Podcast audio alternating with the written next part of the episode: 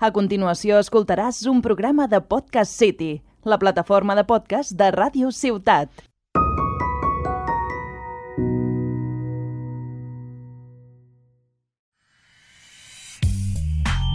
De Tarragona al món, comença... La Demo. El podcast de nova generació amb més teraflops de la ràdio. Presentat per David Gallego i Joan Albert Bessora. Benvinguts i benvingudes, tornem amb un nou programa de la demo i esperem que aquest cop doncs, no caduqui al cap d'unes hores. En el programa anterior vam mirar de predir el futur de la nova generació i poc després la realitat ho va capgirar tot i quan vam publicar el programa doncs ja no tenia gaire sentit. Però avui ja després de totes les presentacions, de les reserves, de les informacions ja sobre la taula, totes les cartes a la vista, parlarem de les polèmiques. Avui, avui hem vingut a jugar. I contem amb el nostre jugador preferit, amb el David Gallego. Com estàs? Hola, Joan Albert. Doncs eh, bé, eh, bé, amb ganes de parlar de les polèmiques, sobretot d'una en concret, que afecta la meva economia familiar i, i res, ara en parlem. En parlarem. I també qui us parla, Joan Albert Besora. I com sabeu, acabarem el programa amb la secció més premium de la ràdio, el DLC. Comencem.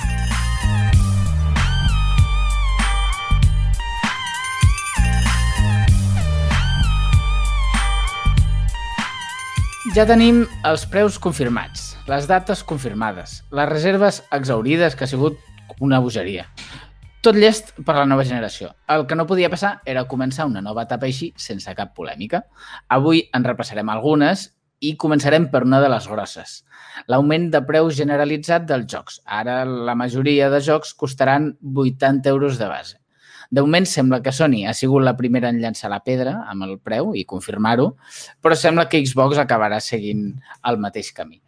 Què et sembla tot plegat, David? Com ho veus? Com ho vius?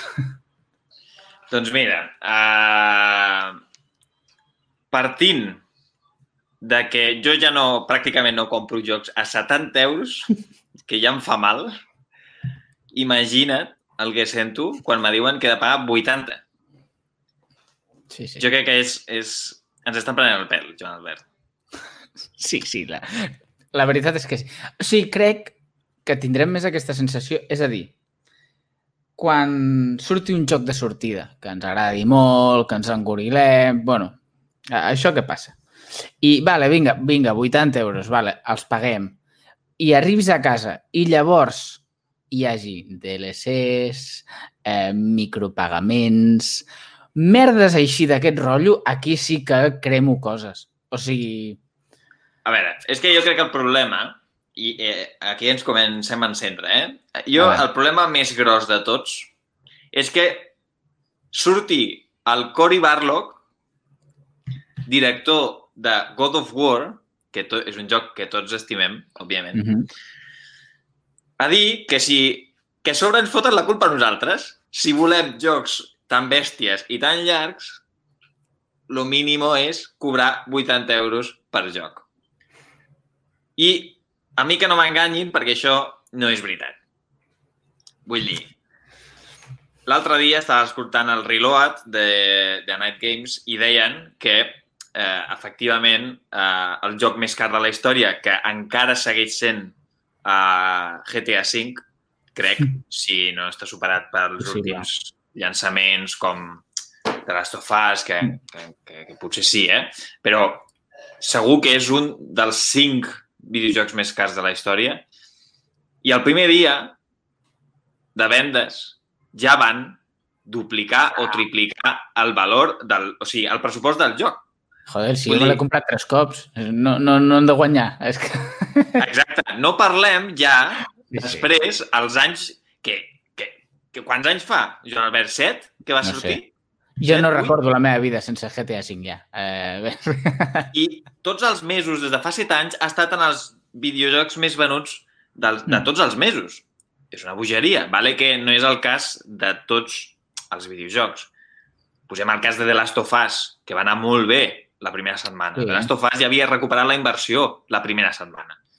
Vull dir, no és veritat. Clar. És que no és veritat. O sigui, ens ho porten temps dient per preparar el terreny, però no és veritat. sí. I que al final és, o sigui, hi ha altres maneres de monetitzar i de guanyar. Jo entenc que al final són empreses que són molt grans i necessiten rendibilitzar els jocs perquè és cert que al cap de dos mesos ja estan rebaixats.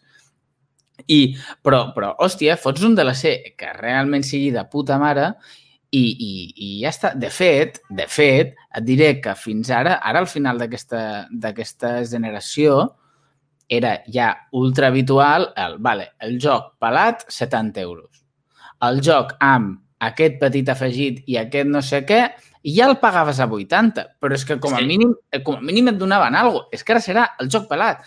El, que, que ens gastarem 100 euros per la versió, no et dic la versió que ve amb els ninos, o amb no? aquelles versions que és un maletín, vale, això ho entenc, que valgui 150 euros, vale, d'acord. Jo no, però vale. Però, bueno, sí, estem d'acord, però això ja és un altre públic. Però, hòstia, que el joc pelat sense cap mena de passe de temporada, sense absolutament res, sigui així, hòstia, és que em sembla que sí, és el que et dic, és, mira, podria, tot i que em sembli malament, podria comprar que em diguis, vale, doncs a partir d'ara seran a 80 euros, però el joc és complet. Tot el que surti ara serà per a tu. Però no, no, no serà així. No, no. I una, jo crec que és, jo tinc una teoria que és que al final, tant tu com jo, per exemple, que quan comprem jocs en físic els portem al game i els mhm. venem per comprar altres jocs, que això ho fa molta gent realment.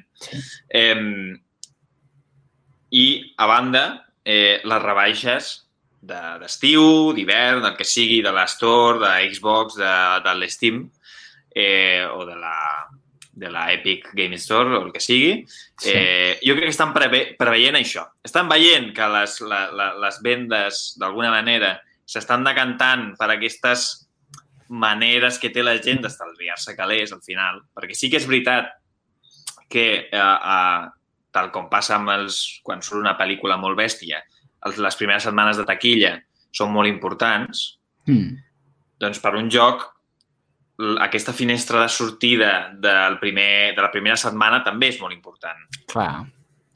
Però sí que és veritat que no sé fins a quin punt venen més en la, segon, en la, en la segona tanda, quan fan una rebaixa o quan uh, treuen una edició especial o sí. una edició Game of the Year. També o, venen o lo, molt. O lo típic, que surten els jocs al novembre i on venen realment és per Nadal. I és normal. Exacte, exacte. I jo crec que en aquest cas està, diuen, vale, posem els jocs a 80 euros perquè després, en les primeres rebaixes, els podrem cascar a 50. I a 50 semblarà una o a oferta... 70, eh? O a 70. Però bueno, ja, ja m'entens, que estan... Ja no és només que costin 80 euros, sinó que tu aniràs al game a comprar un joc, donaràs un joc que et donaran 30, 40 euros, si és nou, o 30 euros posem, en vale d'estos que te dan en la tienda, sí. però és que oh, tot i així cada, encara te costaran 50 euros aquest joc. I és una manera de... És que, de, de, és que, és que emprenya, és que emprenya. És molt car jugar a videojocs avui en dia. Molt car, mm. molt car. Jo avui és... dia ja és que jo crec que, que ara serà imperdonable, o sigui, per 80 euros, per mi, és imperdonable que un joc surti a mitges com ho estan fent. O sigui, és que ara estan, hi ha jocs que estan sortint a mig fer. Hòstia, ara imagina't que, que passa un... El, el que va passar amb el Battlefront 2, que va sortir amb el contingut de merda i fins ara, és la, ara està superbé, però que, quants anys han passat? Tres anys? Hòstia, pagues 80 euros de sortida i tens un joc a mitges, o amb bugs, o amb... Mira, que, us, que mm, et cremo la casa. És que, és que clar, no... Bueno, no sé, és que a mi em sembla ja... És terrible. I que al, fi, i que al final, eh, el que parlàvem de, de, del Cory Barlow, no? que és dels pocs que ha donat la cara per aquesta pujada, mm. que jo que potser ho creu ell, eh? això no, no, no, no, no ho nego. Però sí que és veritat que, tot i que és veritat que avui dia eh, és més car que mai fer videojocs, també és veritat que hi ha el més gran parc de consoles de la història dels videojocs. Vull dir, a la mateixa manera que és més car, també venen més. Sí, sí, sí, sí. També és més fàcil... O sigui, hi ha, hi ha moltes eines que, que, que s'han posat a l'abast de, dels desenvolupadors i que ho fa tot més fàcil. Però, bueno, no ho sé. A mi em sorprèn, a mi em sorprèn uh, aquesta pujada, o sigui, bueno, no em sorprèn, entenem, perquè, perquè jo crec que, que ara el futur i cap a on aniran és amb negocis tipus Game Pass. I jo crec que això és el que funciona. Per mi no té cap sentit pujar-ho 80 euros si tens un servei potent com el, com, com el Game Pass. A no ser que sigui per, perquè tothom acabi anant allà. Però, clar, eh, és que em sembla em sembla tan robo com l'estreno de Mulan per Disney Plus a 21 euros. Em sembla el mateix de, no, és que estic pagant i a més a més soc gilipolles perquè em fan pagar el doble. Eh, eh. Tinc, aquesta, tinc aquesta sensació. Eh, sí, és que jo et diria més. Fixa't que, que qui ha fet saltar la llebre és PlayStation, és Sony. No és Microsoft, perquè Microsoft, sincerament, el que valgui un joc se la bufa perquè ell el que vol és vendre Game Pass, Game Pass, Game Pass, Game Pass, Game Pass, Game Pass. Ho, dirà, Game Pass. ho diran a l'últim moment, però perquè... O sigui, Sony és que ho té molt fàcil per vendre 20 milions de... jo què sé quantes consoles. Mm, Clar. Ja. No, no ho té difícil.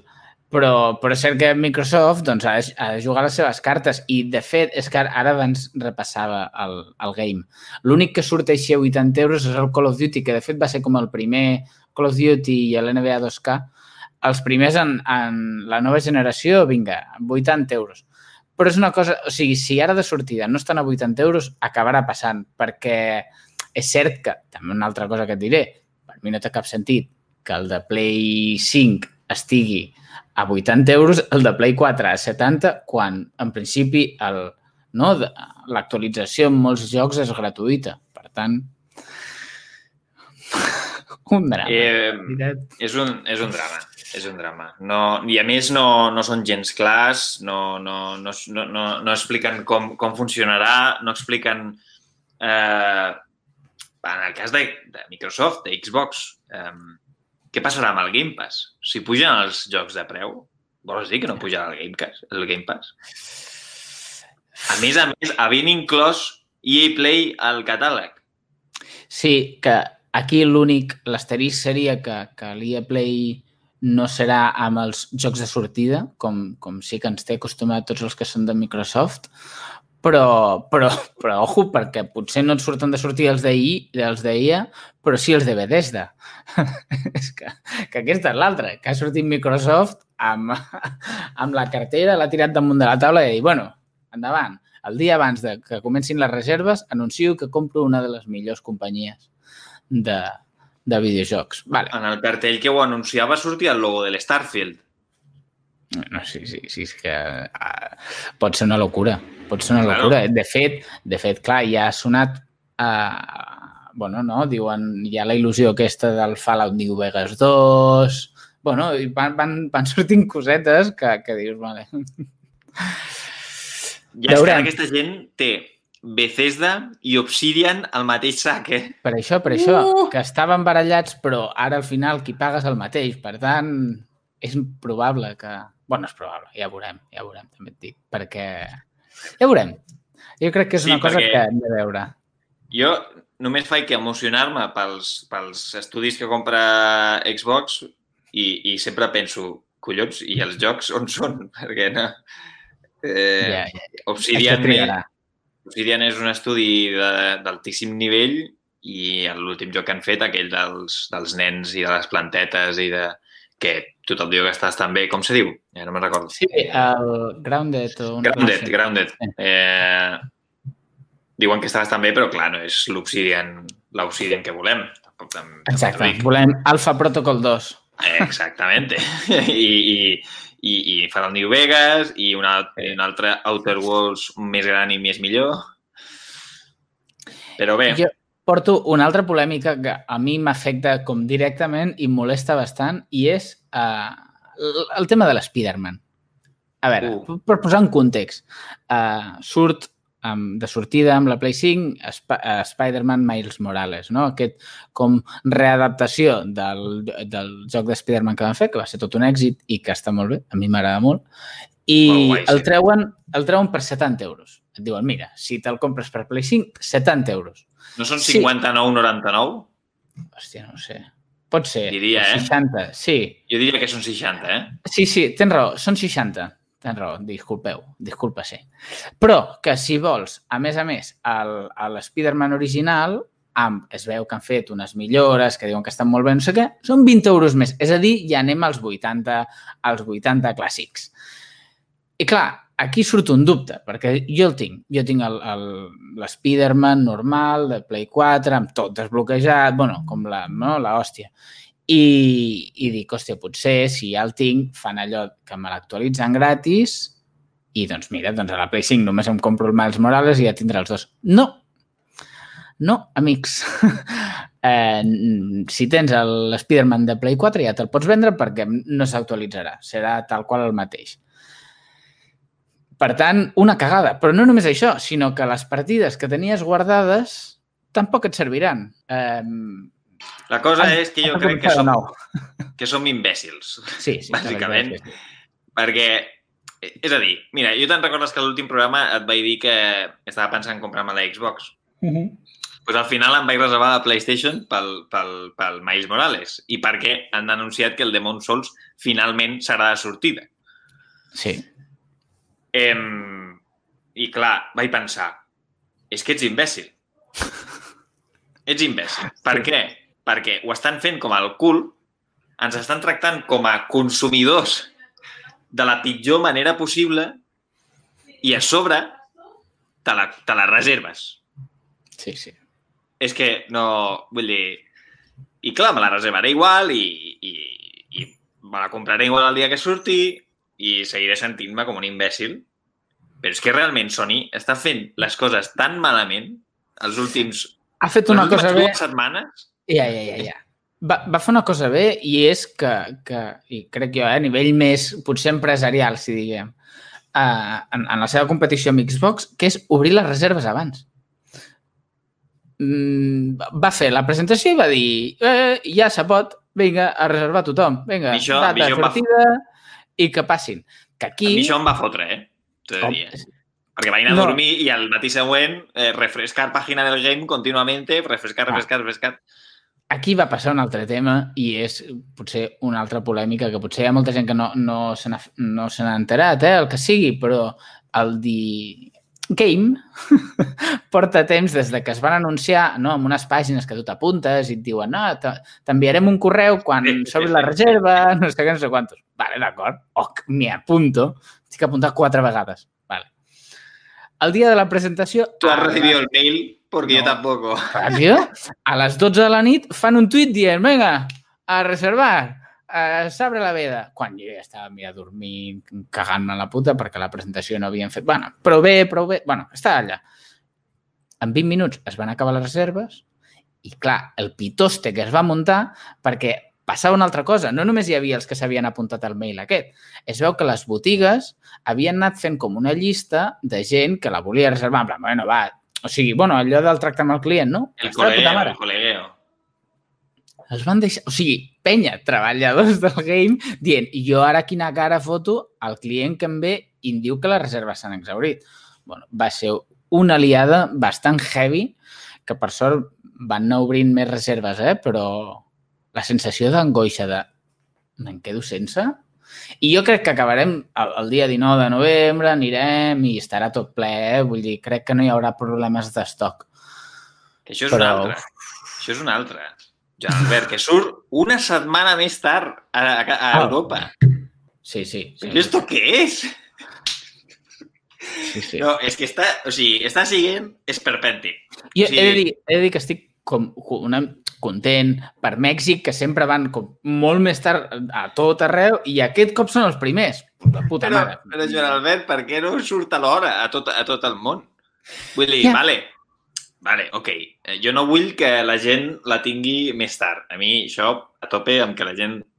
No sóc gens envej... eh, envejós en, en aquest sentit. Però no tinc enveja. Però, bueno, per què? Pel coronavirus? I jo crec que per tocar-li els collons a Xbox, a Estats Units, perquè al final Però Xbox... abans. No, sur- no, surten allà, Ah, vale, surten surt la mateixa 10. setmana. Ah, clar, el El 10 i el el 10 i 12. el 12, una cosa així.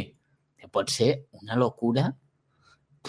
Bueno, a mi ja em fa por aquí, a, la, a les cues que hi haurà, però... Claro, és que a mi, jo per això me l'he demanat online, encara que pugui perdre diners, Ja. perquè a mi anar a la botiga a buscar la Play és una Ja, cosa que ja, em fa mal rotllo. I al final a, a la botiga totes dues.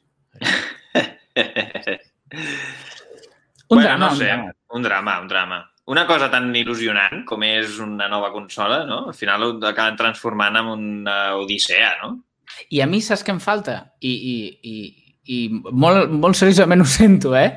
Com um, algú, una presentació, potser ho fan, eh? Però engegant la Play i a veure què tal és, això funciona així, ten, hem afegit aquestes coses, no? Això amb la Play 4 ho van fer, no? Ha el botó de compartir con tus amigos, pásatelo bien, vale, fantàstic, ensenya-m'ho, que m'ho estic imaginant. Mm, hòstia, no sé, igual amb la Xbox, eh? Pff, no sé, una mica de- de- d'il·lusió. O sigui, sí, no, no sé. Sí, Digue'm Exacte. que és l'hòstia o... És que- què sé. A mi el que em passa és que eh, encara no hem vist el menú, encara no he vist, eh, no hem Clar. vist la pantalla de títol, encara no hem vist com s'inicia un joc, encara no hem vist res d'això. Ja. I al final són coses que també em mola conèixer, no? I que, a més, les coneixerem per YouTube igual. Sí, sí, perquè una setmana abans hi haurà gent que Perquè- la tindrà. Estarem una setmana de diferència. Hem estat... Sí, sí. I doncs ho deixem aquí i ara passem a la secció més premium de la ràdio, el DLC.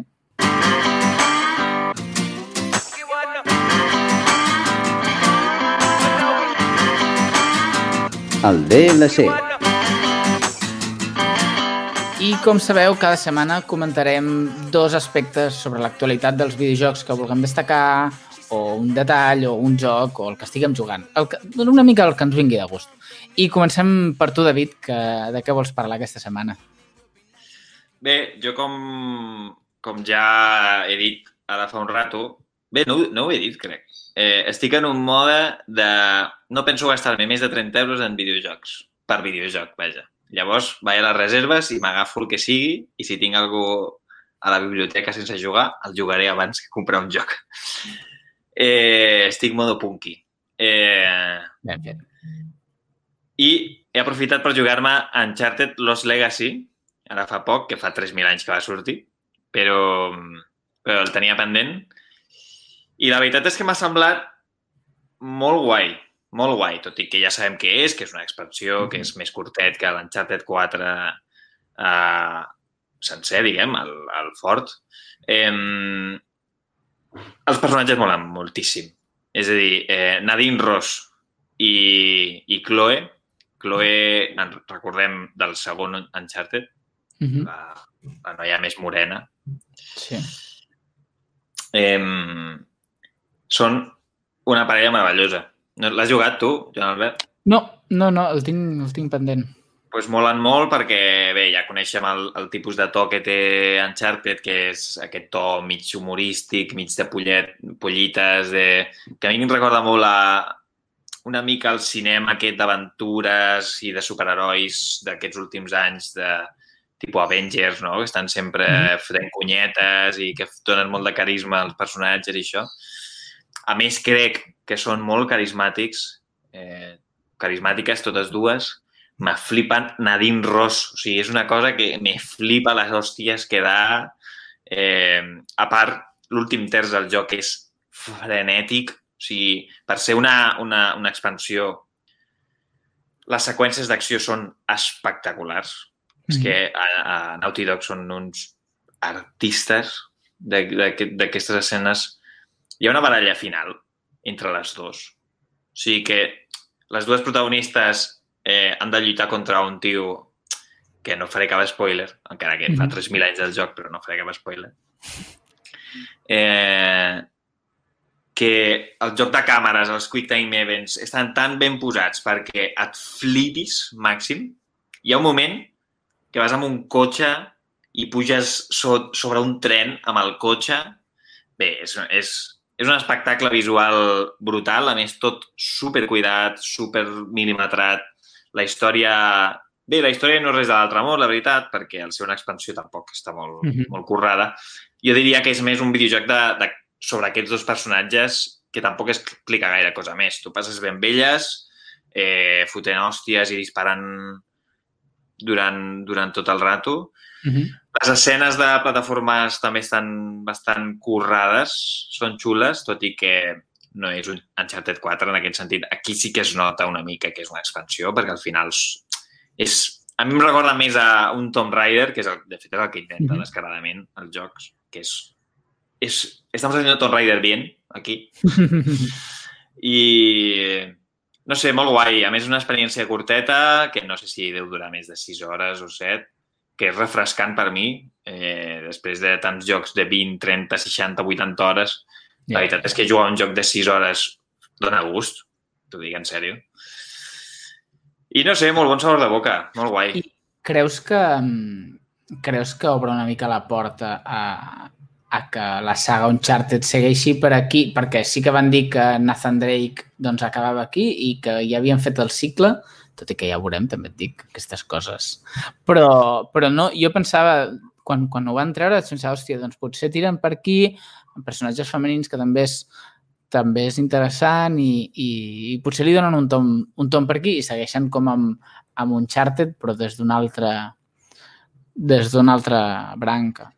A mi m'agradaria, perquè jo que he jugat al Rise of the Tomb Raider fa poc també, Mhm. eh, és veritat que tant Nadine Ross com Chloe tenen molta més profunditat que Ja. Lara Croft, perquè Lara Croft és el típic personatge amb problemes d'infància perquè el pare no hi era, perquè tal... Sí. És massa típic tot, és massa tòpic i no té profunditat. És un personatge, jo crec, femení d'aquests que dius que estan per posar, per postureig. Yeah. I aquests dos són personatges que tenen el seu món interior, tenen les seves trifulques, tenen les seves inseguretats, són personatges molt creïbles. Eh, a part, tens a una bèstia parda com Nadine Nadine Ross, que és una tia que no li fa por res, que és una militar, que Mm -hmm. és un, és un, és un perfil que potser ja podem considerar com una senya d'identitat de l'estudi Naughty Dog, no? Per sí. avi de, de, de Last of Us, que quin meravell, meravellós personatge. Però és que Naughty Dog fan molt bé això, escriuen molt bé els personatges, tenen molta profunditat, estan vius.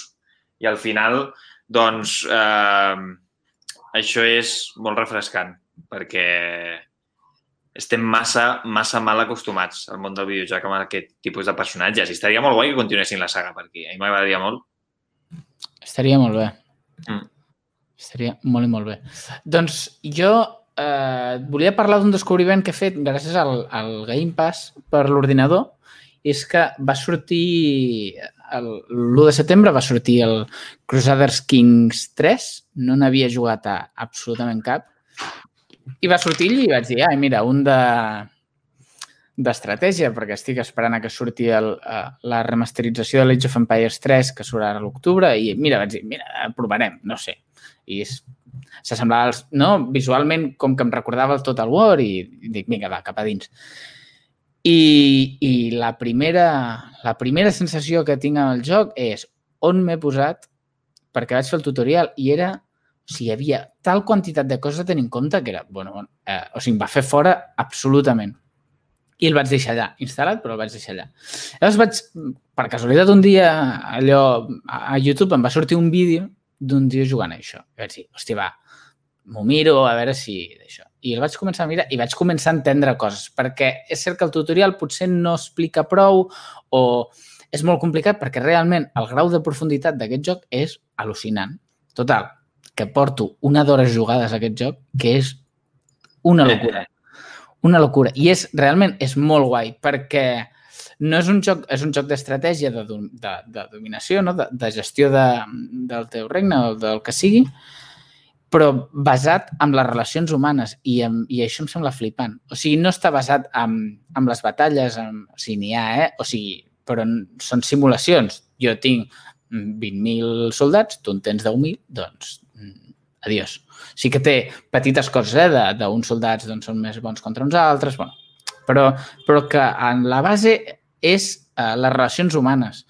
I és super heavy. Les relacions humanes amb, amb, amb la gent de la teva cort, amb, amb la gent que... O sigui, tu ets el rei, doncs cedeixes no? títols o espais a, a altres perquè els gestionin per tu i et paguen doncs, una part. Tota aquesta gestió m'està flipant i m'està encantant i a més és... Eh, tu, tens un, tu tens el teu personatge, quan mor el teu personatge, si tens un hereu o una hereva, depèn de la llei que tinguis, eh, és el que segueixes controlant. O sigui, al final és, és bastant infinit perquè pots, la teva dinastia pot ser la rehòstia i comences, bueno, pots començar des d'on vulguis, però pots començar sent un petit conde de, que té una zona i ja acabes dominant mitja Europa. Realment, mola... A mi m'està molant moltíssim i et dic, eh, perquè, perquè el que m'ha sorprès, i sé que les dues anteriors entregues eren així, però jo no les havia jugat, eh, basades en, en això, amb les relacions humanes i amb com tu interactues amb, amb la resta del món. I és, és molt, molt, molt guai. I molt profund. O sigui, jo és que encara estic descobrint coses. I tu has jugat al Civilization alguna vegada? Algun? Sí, sí. I eh, és semblant, no?, pel que dius? No tant, no tant. Que uh, record... Jo fa poc vaig jugar al 6 i mm. m'està recordant bastant a com ho descrius, però potser no, eh? Sí, el, però el, el... aquí és més el terreny... De fet, el, el terreny és real, de fet surt Tarragona, surt, surt Girona, surt la Cerdanya... Ah, sí? Vull dir, sí, sí, clar, tu, i pots jugar com amb els, amb els comptes de Barcelona. Que bo! Allí, sí, sí, el que passa és que t'ataca tothom, perquè estan a l'andalús a fondo. Au! I, i, Has però, de Jaume primer? No, no, perquè ja s'ha mort en principi, però... Ah, mierda, vale. Però a més surten noms bueno, històrics i, i és realment, en aquest Sí, sentit, guai. és molt guai. De fet, ahir estava jugant i la Maria em diu Hola! Com és que València, ocupa... València ocupava com mitja península ibèrica. Posava Hòstia. València. Perquè, bueno, doncs havien vingut per arriba i havien con- conquerit des de València com mitja d'això. Ja estaríem I- tots parlant així com a... com a xicotet. I... Sí. És molt guai. Jo, la veritat és que si, si algú té la possibilitat, és cert que l'entrada és difícil perquè, ja et dic, jo vaig, no sabia ni com em deia, o sigui, vaig començar a jugar i era, si us plau, doneu-me un, una Coca-Cola i uns fritos, perquè no aguanto això. Però, però sí, sí, al final, joder, ja et dic, porto moltes hores, la meva dinastia ja ara ja és bastant la hòstia i, bueno, aquí estem. Que guai, molt bé. Sí, sí, sí, sí. I no res, ho deixarem, per avui ho deixarem aquí. Estem, esperem que el programa no caduqui a les properes hores, que no anunciïn una rebaixa de 200 euros de les consoles, que esperem que no. Jo crec que no. Tant de bo. Però res, moltes gràcies. Deixa'm, deixa'm afegir Digues, una digues. cosa abans d'acabar. Sí. És que a l'anterior programa hi ha una anècdota que tu, si el torneu a escoltar, eh, diem... És que potser la conferència de PlayStation acaba, eh, acaba dient que sortirà un nou God of War el 2021 i els dos van fer no, no, no, no, no, patapam. I sí, he de dir, sí. jo, jo crec que no sortirà el 2021. Jo crec que tampoc sortirà el 2021. 2022, febrer, més o menys, jo crec. Però una cosa, o sigui, mira, parlant d'anècdotes, el Cory Balrock, que avui l'hem anomenat molt, el fill de puta, l'any passat va fer un fil de Twitter on la primera lletra era Ragnarok is coming. Hola! La primera lletra de tots els tuits. L'any passat. I la mare que el va dius? parir. Sí, va començar a sortir després de... I a més, clar, deien, hòstia, que raro, s'ha presentat el God of War i el Cory Balrock no ha dit res, no sé què. No, no, és que ja ho havia dit. Que fort. És flipant, és flipant. Aquest tio... Aquest tio és l'hòstia. Per tant, bé, estem atents i esperant el God of War, que al final és l'únic que ens interessa en aquesta, aquesta Yes. vida. Així que moltes gràcies per acompanyar-nos i Igualment. fins una altra. Adéu, adéu. Adeu. And now they're fighting for their lives on a mission fraught with. And if they proceed but don't succeed, well, the devil will take their heads. Has escoltat un programa de Podcast City, la plataforma de podcast de Ràdio Ciutat.